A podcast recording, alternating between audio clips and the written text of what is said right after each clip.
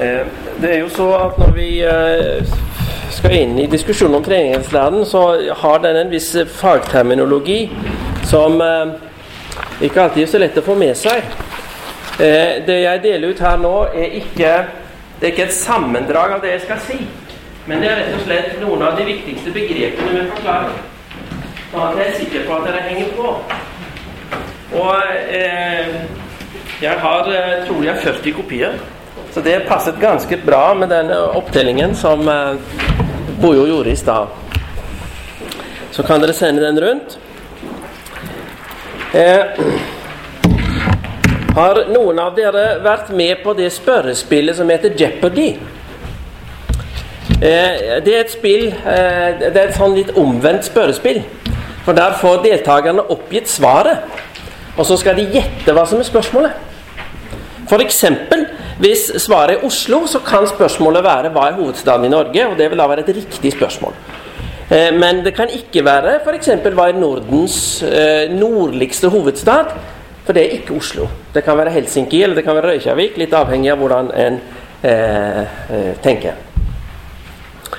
Jeg tror at å drøfte den kristne treenighetslæren det har visse likhetstrekk med det å spille Jeopardy. Fordi eh, her begynner vi med svaret. Svaret er treenighetslæren. Men hva er det egentlig som er spørsmålet? Hvilket spørsmål er det treenighetslæren er svar på? Hvilken teologisk funksjon har treenighetslæren? Eh, vi vet at vi som kristne tror på en Gud som samtidig er én og treenig, men hvorfor gjør vi det? Jeg tror det beste utgangspunktet for å svare på det spørsmålet er å prøve å knytte treenighetslæren så nært som mulig til selve kjernen i evangeliet. Det kristne budskap, det tror jeg vi vil være enige om, det er framfor alt et budskap om ubetinget benådning. Det er et åpenbaring av hvordan mennesker uten krav og uten forbehold tas inn i fellesskap med Gud. Treenighetslæren skal være et fundament for denne evangelieforkynnelsen. Den skal gi en ramme rundt åpenbaringsforståelsen som lar åpenbaringens innhold komme til sin rett. Hvilke konsekvenser har det om vi ser det sånn? Evangeliet er et virkekraftig løfte for å sitere fra katekismen Den som tror disse ord, har det de sier. Det er et virkekraftig løfte. Hvis det løftet skal være til å stole på, så må det være gitt av en som ikke ombestemmer seg. Av en som ikke endres med livets omskiftelser. Samtidig er det i seg selv et budskap som forandrer alt inkludert menneskers evne til faktisk å leve i samsvar med Guds vilje. Evangeliet kombinerer evig uforanderlighet med radikal nyskapelse. Og slik må det være. Ellers blir evangeliet til noe annet. Drøm om det uoppnåelige eller oppfordring til strev. Evangeliet forutsetter med andre ord Guds uforanderlighet, evighet og uendelighet. Eller med å si det med et fremmedord som står på det arket dere fikk Guds impassibilitet. Guds uforanderlighet. I går og i dag den samme. Samtidig som både skapelsen og forsoningens realisering og manifestering forstås som reell endring. Gud gjør det altså slik at det som ikke er, blir til. Og han gjør det uten at det medfører noen endring i ham selv.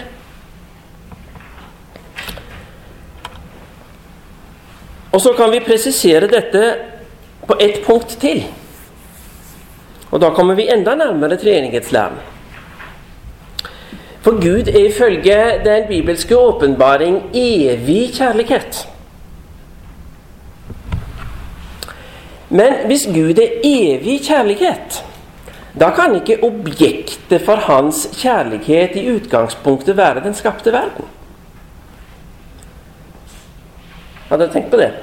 Hvis Gud er evig kjærlighet, så må Gud også være kjærlighet før verden ble skapt. Hvis, Guds, hvis Gud for å være kjærlighet må ha verden der, så blir verden en teologisk nødvendighet av evighet, og ikke noe som Gud har skapt av frihet. Dersom Gud skal være evig kjærlighet, må kjærlighetsrelasjonen være en relasjon i Gud selv. Og dermed så må det, fordi Gud er evig kjærlighet, være en eh, innbyrdes kjærlighetsrelasjon i Gud. Den som mottar Guds kjærlighet fra evighet, må selv være Gud, og ikke en del av det skapte. Faderen elsker fra evighet av Sønnen og som det er også i våre mellommenneskelige kjærlighetsrelasjoner, må det alltid være en tredjepart til stede som kjærlighetsrelasjonen kan kunngjøres for å bevege seg i. Faderen elsker fra evighet av Sønnen i Ånden. Og slik må det være om Gud skal bevare den uavhengighet i forhold til den verden han har skapt, som en forutsetning for at han også kan inkludere den i sin kjærlighet gjennom en nyskapelse som ikke endrer det forhold at han selv er kjærlighet fra evighet av. Denne evige kjærlighetsrelasjonen i Gud selv er det som avdekkes gjennom den bibelske åpenbaring. Og kanskje aller klarest gjennom det vi også var innom i går, i fortellingen om Jesu dåp. Hvor Faderen sier til Sønnen, med Ånden som vitne dette er min sønn, den elskede. I ham har jeg min glede. Denne relasjon er det som åpenbares i evangeliets fortelling om Jesus. Henger dere med så langt? Det lover å rekke opp hånden hvis dere ikke forstår, for er, ellers så kan dere gå glipp av liksom, alt som kommer etterpå, hvis dere ikke er med så langt. Det er kampen for denne, for, for å beholde denne bestemte forståelsen av Gud. Hans uforanderlighet, hans kjærlighet og hans åpenbaring av, av seg selv. Det er denne kampen for å bevare den overfor fristen til å, til å erstatte den med en form for logisk og rasjonell motsigelsesfrihet som ligger til grunn for de oddkirkelige bekjennelsene som vi også så på i går. Treenighetslæren som vi har det i de klassiske tekstene fra Oldkirken, eh, apostolikum, Nikenum, Atanasianum og Kalkedon-konsilets vedtak, er derfor ikke uttrykk for spekulativ gudserkjennelse, men det er forsøk på å la åpenbaringen få forrang framfor fornuften. Og derfor fastholde samtidig disse tankene om Guds uforanderlighet, hans kjærlighet, primært som de innbyrdes relasjoner i guddommen, og som åpenbart og realisert, manifestert hos oss og for oss eh, gjennom det nyskapte åpenbaringsordet. Hvis det ikke fastholdes, så får en bestemte typer av læreavvik, som dere også har fått noe fremmedord for på det arket som jeg delte ut. Eh, hvis forskjellen mellom Gud og det skapte ikke er knyttet til denne forskjellen mellom Guds evige uforanderlighet og den skapte verden i endring. Hvis det ikke er det som er forskjellen, så blir resultatet det som vi kaller for gnostisisme. Der Gud og det skapte er ulike varianter av det samme. Og der tanken om Guds uforanderlighet er borte eller svekket. Og målsettingen blir da at mennesket skal bli lik Gud. Det er et kjernepunkt i gnostisismen, der det ikke skiller absolutt. Og dermed så blir målsettingen for frelsen og menneskets utvikling at mennesket skal bli lik Gud. Eller resultatet kan bli det som vi kaller for modalisme. Og modalisme vil si at Fader, Sønn og Ånd ikke oppfattes som personer som står overfor hverandre, slik det må være hvis det skal være et kjærlighetsfellesskap, men som epoker i Guds historie som følger etter hverandre. Modalisme vil si at Gud er først far, så sønn og så ånd, og primært det siste nå. Eller det kan bli det som vi kaller for unitarisme. Som vil si at Gud er én unitas, én på en slik måte at Sønnen og Ånden ikke kan være Gud. Eh, dette er de tre hovedavvik som en strevde med i Oldkirken. Og en avviste alle tre, både gnostisisme, modalisme og unitarisme. Og nå har dere skjønt hva dette er, ikke sant? Fordi de forandrer forutsetningen for evangelieforkynnelsen.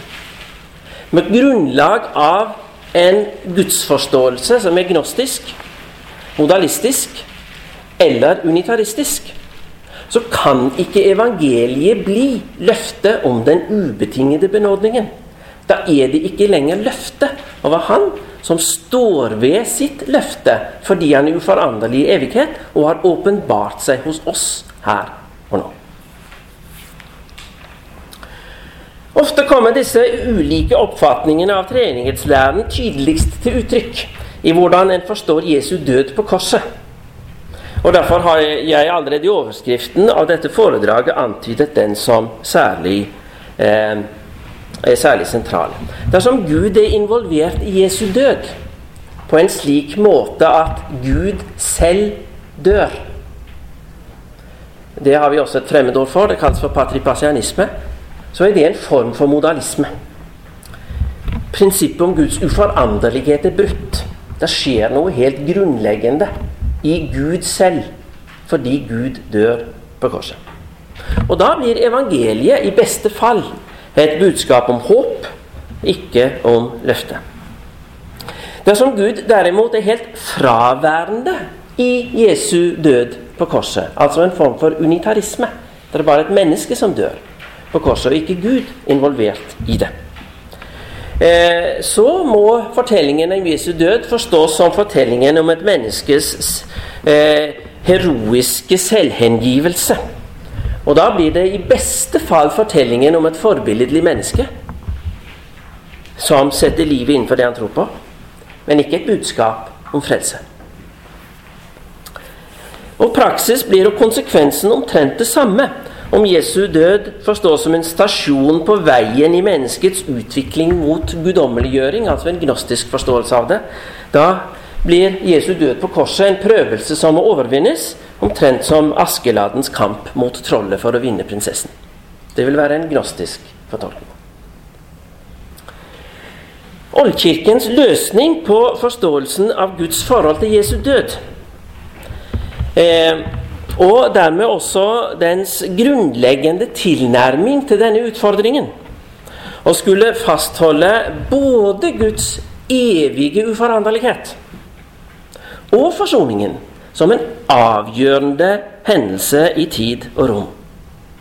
Den mest presise uttrykk for dette i Oldkirken har vi først og fremst i vedtaket fra Kalkidon-konsilet i 451. Vi var så vidt innom det i går også. Som sier at Jesus har to naturer uten sammenblanding, uten atskillelse. Uten sammenblanding forblir guddommelig og menneskelig uten adskillelse. Det som er forenet i inkarnasjonen, blir aldri siden splittet. Gud forblir på disse premisser evig og uforanderlig. Den guddommelige natur endres aldri. Og Jesu død endrer heller ikke på det. Men samtidig er Gud involvert i Jesu død på en slik måte at det faktisk også er rett å si at Gud døde på korset. Eller som det sies i den såkalte teopasjittiske formel. og Det tror jeg også står på det arket jeg fikk. Fra det femte økumeniske konsil i Konstantinopel i 553. Én av treenigheten led på korset. Denne tenkemåte bygger på det som vi i luthersk tradisjon er vant med å kalle for læren om communicatio idiomatum, eller på norsk egenskapsfellesskap. Som vil si at den guddommelige og den menneskelige natur i Jesus har del i den andre naturens egenskaper. Eh, det betyr at den guddommelige natur har del i den menneskelige naturs egenskaper, inkludert dødelighet. Uten dermed å forandres. Og Dette er oldkirkens mest presise uttrykk for åpenbaringens forrang framfor prinsippet om rasjonell motsigelsesfrihet. Læren om kommunikatio idiomatum er samtidig det teologiske fundamentet for den lutherske reformasjon. Det er, helt sentralt. Og Slik sett er det, som også Gunnar var inne på i går, en svært nær sammenheng mellom luthersk teologi og den oldkirkelige treenighetslære.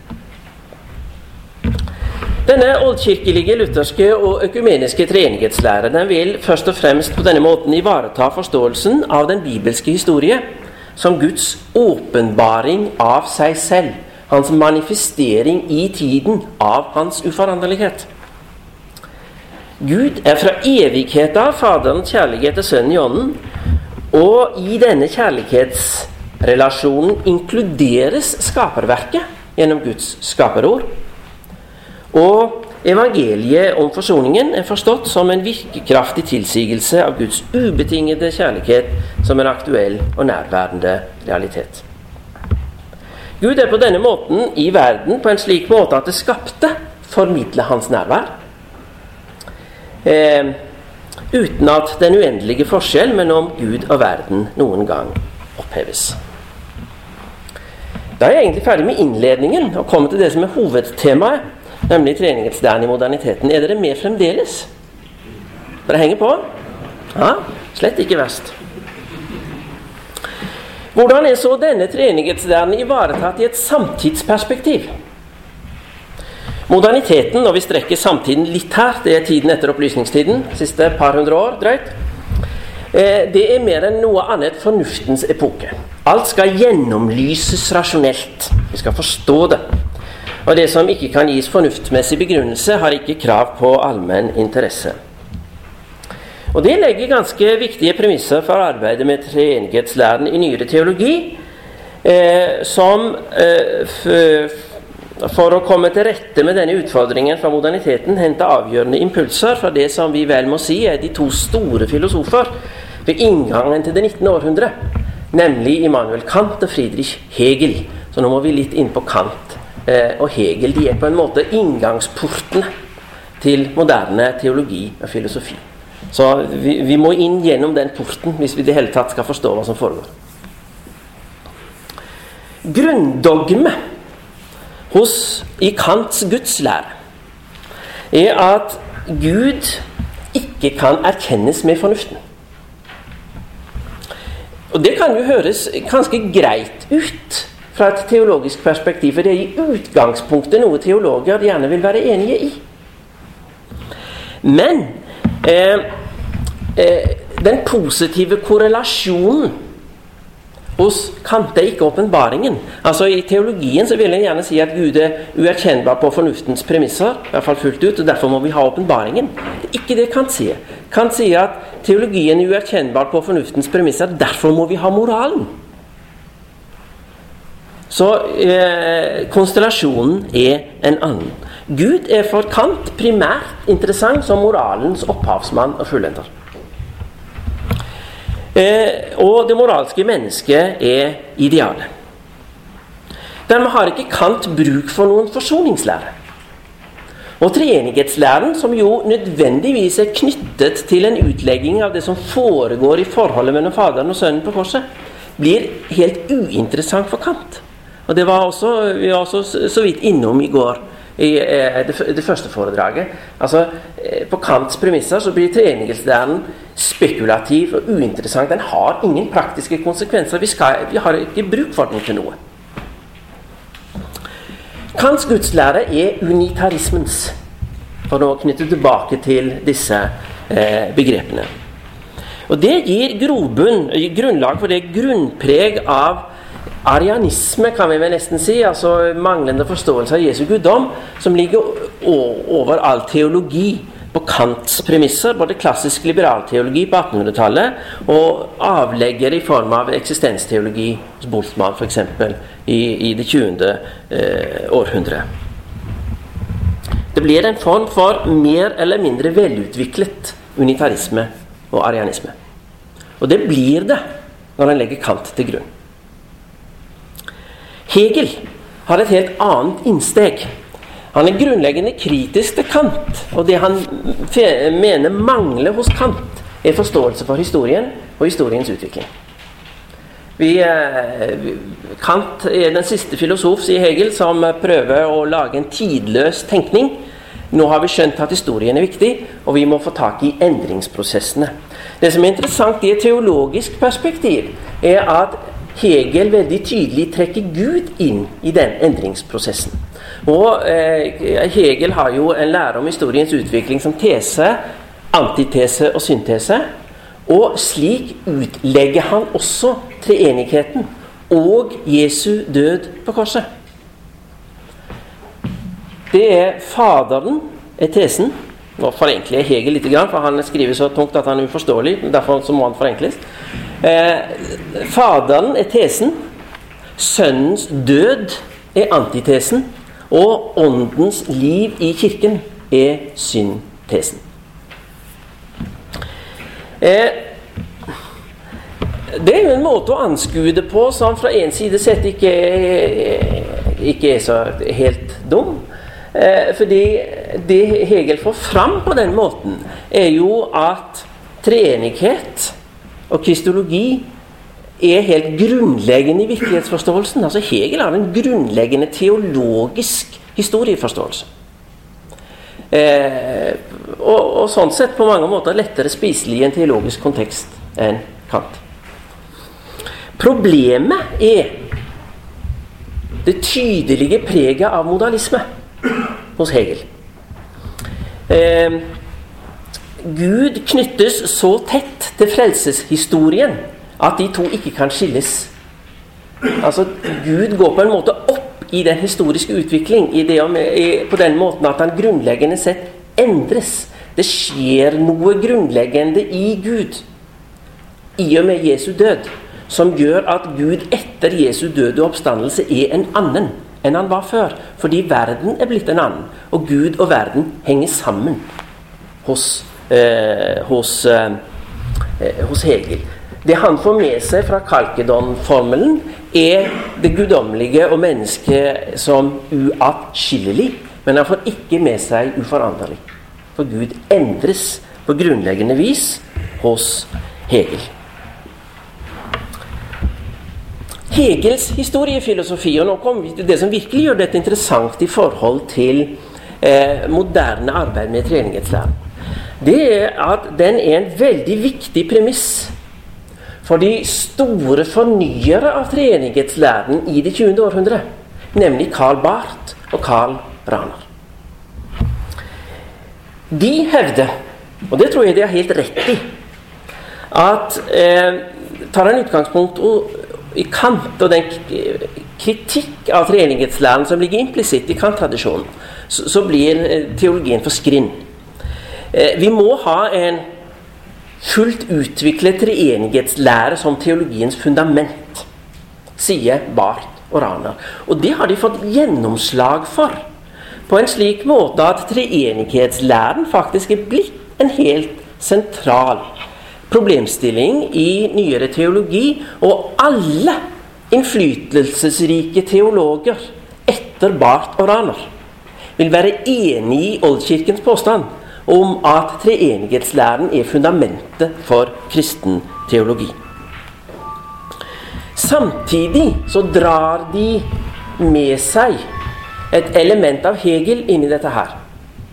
Og Det kommer veldig tydelig til uttrykk i et grunnprinsipp for veldig mye nyere treenighetslære, som gjerne omtales som Raners rule. Hadde dere hørt om Raners rule? Den, det er en regel, Ranas regel på norsk, dreier seg om forholdet mellom Guds indre vesen og hans åpenbaring. Eller som det sies, det med, med sånn eh, teologkinesisk, teologisk fagterminologi, den tror jeg ikke står på det arket dere fikk. Forholdet mellom Guds immanente økonomiske trinitet. Økonomi har her ikke noe med penger å gjøre. Økonomi har med frelseshistorie, frelseshusholdning, å gjøre. Så Guds immanente trinitet er forholdet mellom de tre personer i evigheten. Den økonomiske, frelseshistoriske åpenbaringen av den i det historiske. Og Ranas regel er, sier at den immanente treenighet er lik den økonomiske, og omvendt. Det er ikke mer å si om Gud enn det en kan si gjennom eh, enn det en kan si ved å analysere den historiske åpenbaring. Hvis vi sammenligner det med Oldkirkens treenighetslære, så er det en viktig endring på ett punkt. Oldkirkens klassiske treenighetslære vil være enig i at det er, er identitet med, mellom, mellom den eh, immanente og den økonomiske i den forstand at åpenbaringen er en reell åpenbaring av Gud.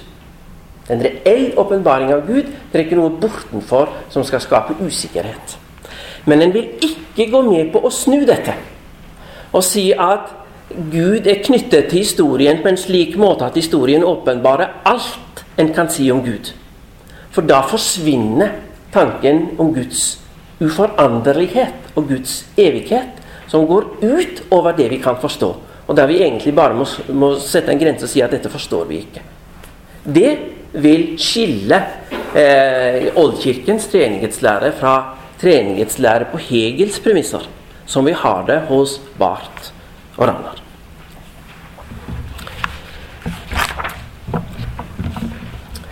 Det som er problemet med denne måten å se det på, er jo at verden blir nødvendig for at Gud skal realisere seg selv.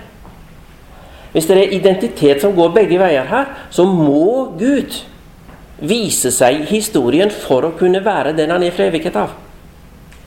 Eh, og da blir for, foranderligheten, det historiske, betingetheten, en nødvendig side av Guds vesen. Og det er en form for modalisme. Denne svakhet når det gjelder uklar avgrensing overfor modalismen, den hefter ved veldig mye av aktuell treenighetsdebatt. Den har vi f.eks. i frigjøringsteologiske modeller. Eller i den såkalte kjønnsnøytrale omskrivning av treenigheten som skaperen, frigjøreren og livgiveren. Som er en måte å formulere seg på som er veldig åpen for modalistisk tolkning. Gud er først skaperen, så frigjøreren, og så livgiveren. Derfor vil jeg si at sånn kan en faktisk ikke si det. En må i hvert fall si det med, med presiseringer om man skal bruke det uttrykket. Selvsagt kan, er Gud både skaper, frigjører og livgiver. Altså, Det er ikke noe problem med terminologien i og for seg. Men når den brukes som erstatning for Fader, Sønn, Ånd, så klinger det modalisme med. Eh,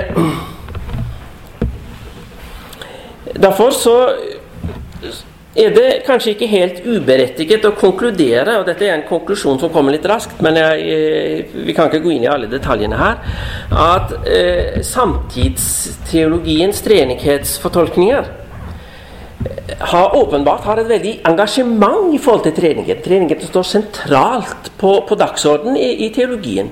Og, og, det er godt og det er viktig, og det skal, det skal, vi, det skal vi, være glad for. Men eh, den lykkes ikke uten videre i å integrere den klassiske treenighetslærens forutsetninger, nemlig Guds uforanderlighet og ordets virkekraft i sine, i sine framstillinger. Den dras av Kant-forutsetningen enten i retning av unitarisme eller av Hegel-forutsetningene i retning av modalisme. Moderniteten som kirkehistorisk epoke kjennetegnes imidlertid ikke bare av akademisk teologi Vel så typisk for moderniteten er de store vekkelsesbevegelsene. Og flere av vekkelsene har også hatt et bevisst og til dels svært kritisk forhold til treenighetslæren. Hvordan ser treenighetslæren ut i denne sammenheng? Og er det til tross for forskjellen i kontekst visse likhetstrekk med treenighetskritikken innenfor de henholdsvis Kant og Hegel-inspirerte fagteologiske tradisjonene? Det skal jeg bruke siste del av dette foredraget til å si litt om treenighetslæren i moderne vekkelsesbevegelser. Da kommer vi helt opp av avisenes debattspalter. Bare vent.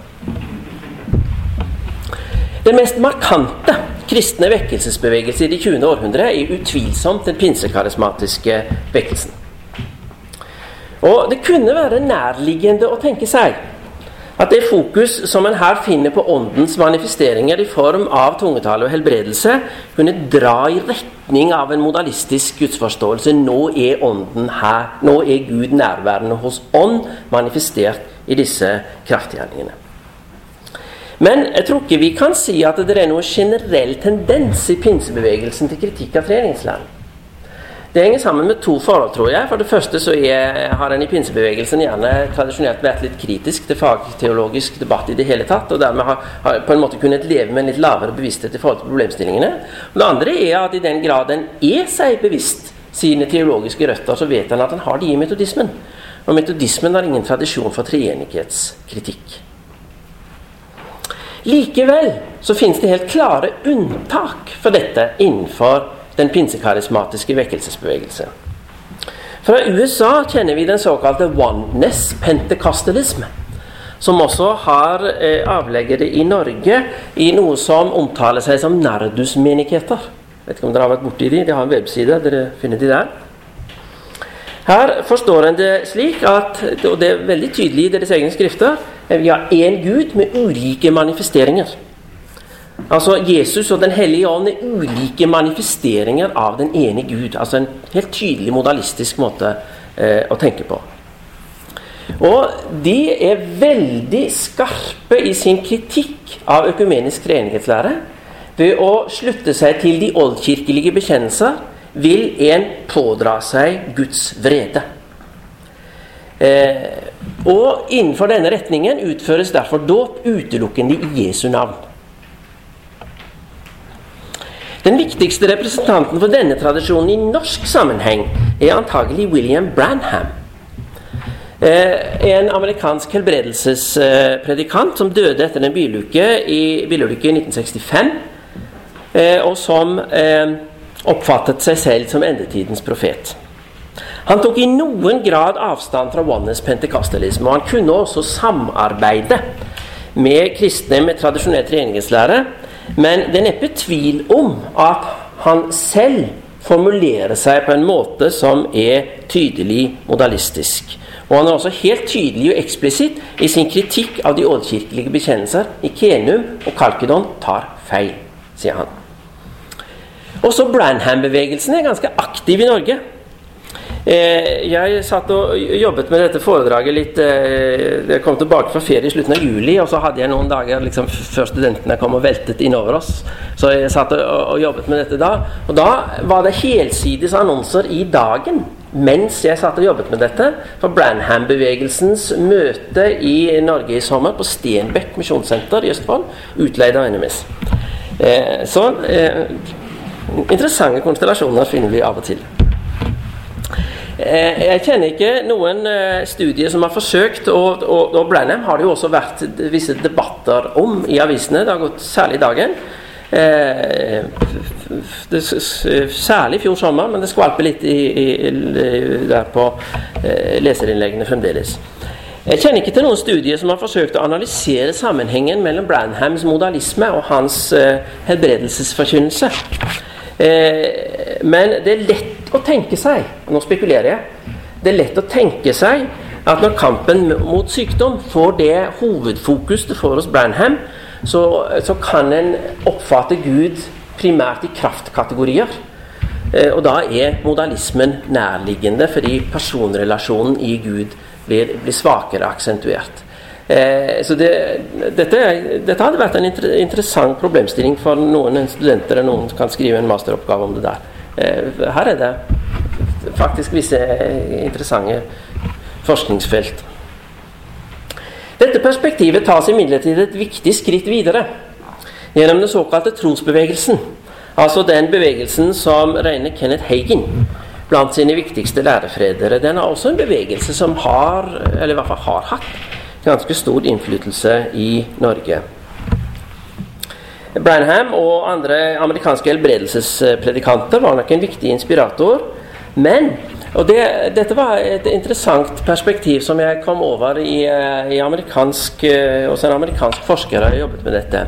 Det synes også som eh, trosbevegelsen, hevder han, har tatt opp i seg gnostiske elementer formidlet via mormonismen. Nå begynner tingene å bli litt interessante. Eh, som gjør at omformingen av den klassiske treningslæren i trosbevegelsen mange ganger vil være mye mer radikal. Eh, så For å få tak i dette skal jeg først si litt om mormonismens, Jesu Kristi kirke og de siste dagers hellige, og deres gudsforståelse og treenighetslære. Det har jo visse, viss politisk interesse for tiden også. Eh, også mormonismen tar uttrykkelig avstand fra Nikenum og Kalkidon-konsilet som oppfattes som uttrykk for uheldig hellenisering. Det er nesten som å høre sånn klassiske liberalteologier fra 1800-tallet som sier at eh, det var eh, platonisme og gresk tenkning som, eh, som skapte de oldkirkelige dogmene. I stedet så vil mormonerne forstå alle Bibelens gudsbeskrivelser, også de antropomorfe eller menneskelignende, bokstavelig. Det er et veldig viktig fortolkningsprinsipp i mormonismen. Alle gudsbeskrivelser i Bibelen skal bestås, forstås bokstavelig. Dermed kommer de til den konklusjonen at også Gud har et legeme. Eh, herliggjort legeme, kanskje. Vi kan tenke første kor 15, kanskje, men Gud er eh, legemlig. Det henger sammen med en forståelse av at Gud en gang har vært et menneske og har realisert potensialet for guddommeliggjøring som ligger i ethvert menneske. Slik Gud er blitt, slik skal også vi bli. Og Det er en helt typisk gnostisk måte å tenke på. Hvis dere husker hva jeg sa eh, innledningsvis. Ikke noe klart skille mellom Gud og menneske, men Gud er målet for den menneskelige selvutvikling. Eh, og Det skillet mellom skaper og skaperverk som ligger til grunn for den kristne trosbekjennelse, det oppfattes som ubibelsk platonisme. Det er, på det er mormonene veldig tydelig.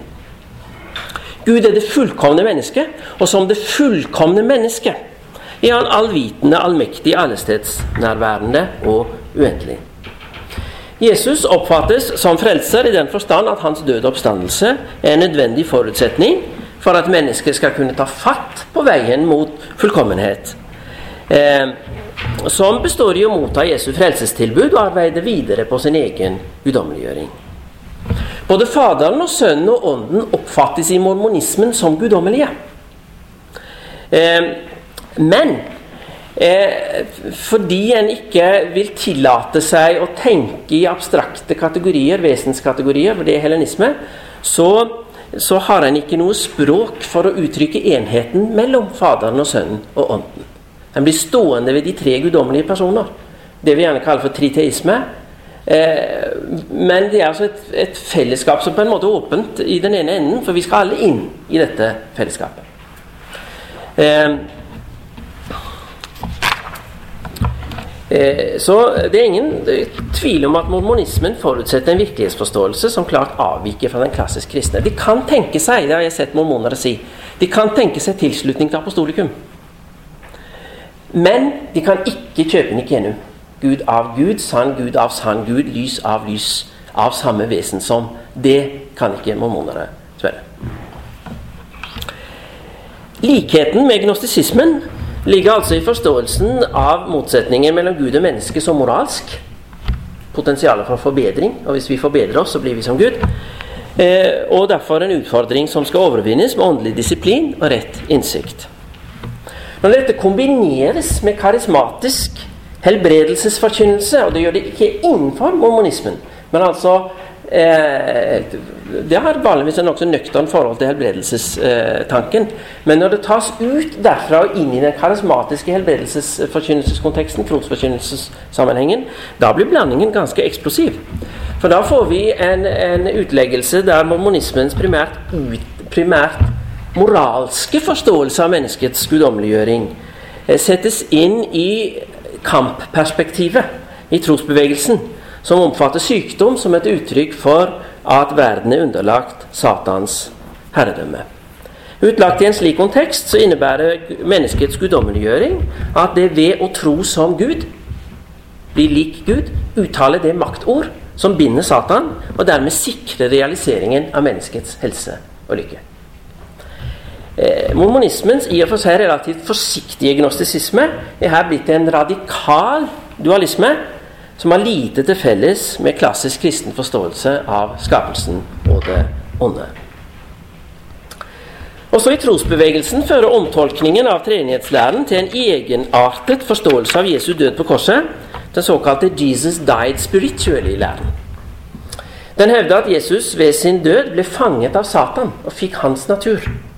Men i og med oppstandelsen brøt Jesus på forbilledlig vis ut av det fangenskapet eh, forståelsen av korset som en, som en, relasjon mellom Faderen og Sønnen det har altså erstattet med tanken over Jesu seier over Satans verdensherredømme på en måte som er forbilledlig for alle troende. Og Forståelsen av Guds ord som det virkekraftige løftesord er erstattet av tanken om den troende selv, som uttaler det guddommelige maktord, tror som Gud selv, og uttaler det guddommelige maktord i kamp med Satan som denne verdens herre. Og dette sikrer helse og velstand.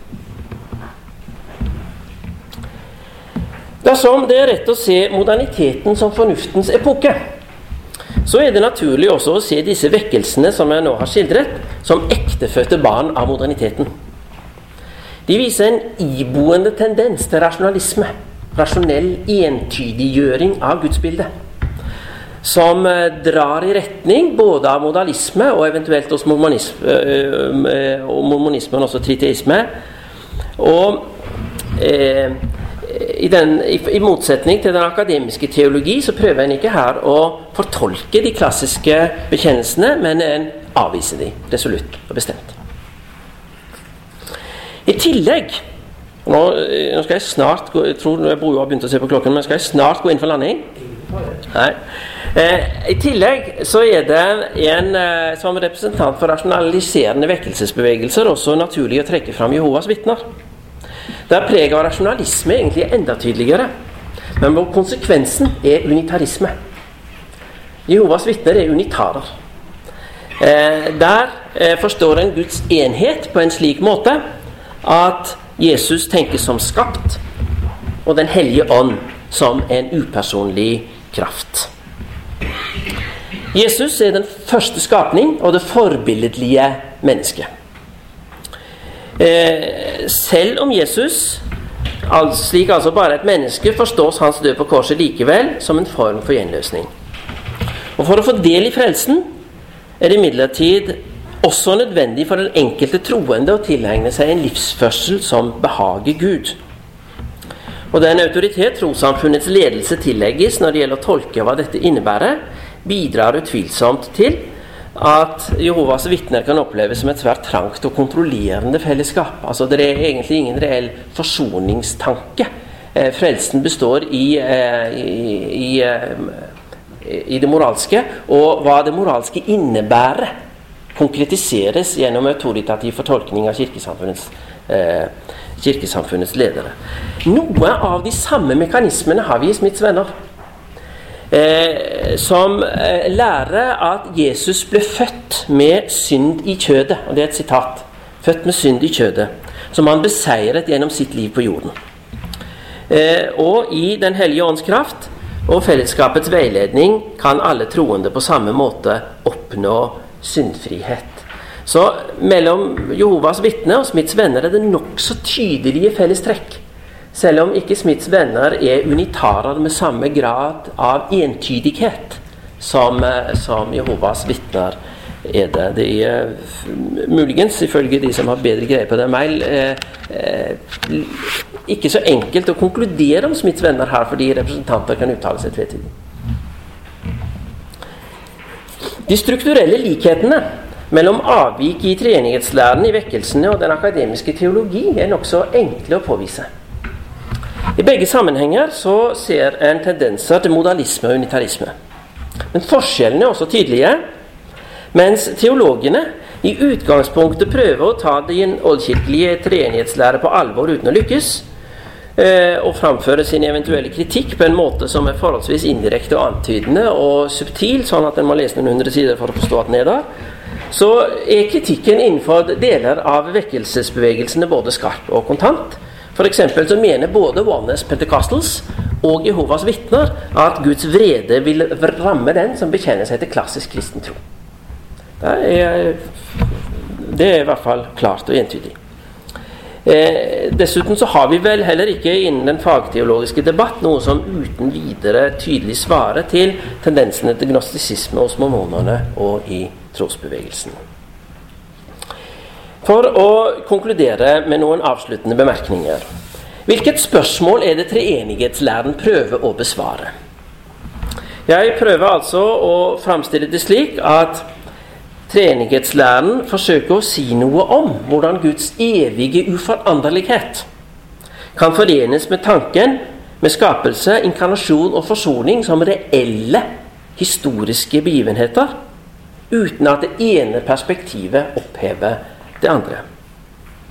Det forutsetter en vilje til å prioritere en åpenbaringsorientert språk- og virkelighetsforståelse på bekostning av tanken om entydighet og logisk motsigelsesfrihet. Og eh, tanken om, eh, om fortolkningsmessige hermeneutiske implikasjoner av treningslæren var Gunnar Innerdal så vidt inne på også i går mot slutten av sitt innlegg. I en epoke som moderniteten, som tilstreber entydighet og motsigelsesfrihet også når det gjelder vitenskapelig gudserkjennelse og praktisk spiritualitet, så det er det en tilnærming som ikke er enkel å fastholde.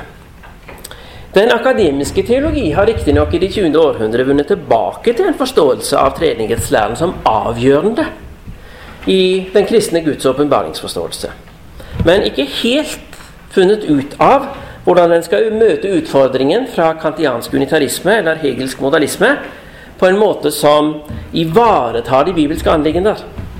Eh, på en måte som forankrer de i et samtidig kritisk og innforstått blikk på samtidskulturen. Innenfor vekkelsesbevegelsene, i hvert fall de som vi har sett på her, så synes treenighetslæren reelt sett å stå atskillig svakere her er innenfor Hvis vi utvider perspektivet, så vil vi nok kunne si at innenfor mange vekkelser så er treningslæren stilltiende akseptert, eh, men eh, har liten reell betydning. Eller den er eksplisitt avvist, slik som vi har vært inne på her, hos eh, Oneness Pentecostalism, trosbevegelse, mormonisme og Jehovas vitner. Men eh, Treenighetslæren viser jo på denne måten sin relevans og betydning.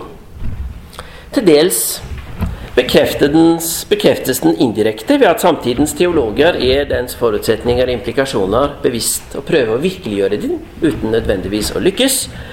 Og eh, dels bekreftes den indirekte ved at de som benekter treenighetslæren, dermed gjør seg skyldig i læremessige endringer og avvik som er veldig like Nettopp det oldkirkens klassiske treenighetsteologer var ute etter å avvise. Og med mange av de samme konsekvensene som en så allerede den gang. Historien gjentar seg. Eh, utfordringen til oss er derfor å ta opp stafettpinnen og forsøke å utvikle en treenighetslære som er like stødig i sitt fundament og aktuell i sine implikasjoner som det som i sin tid ledet Kirken til å utfolde sin tro på Gud som en og treenig.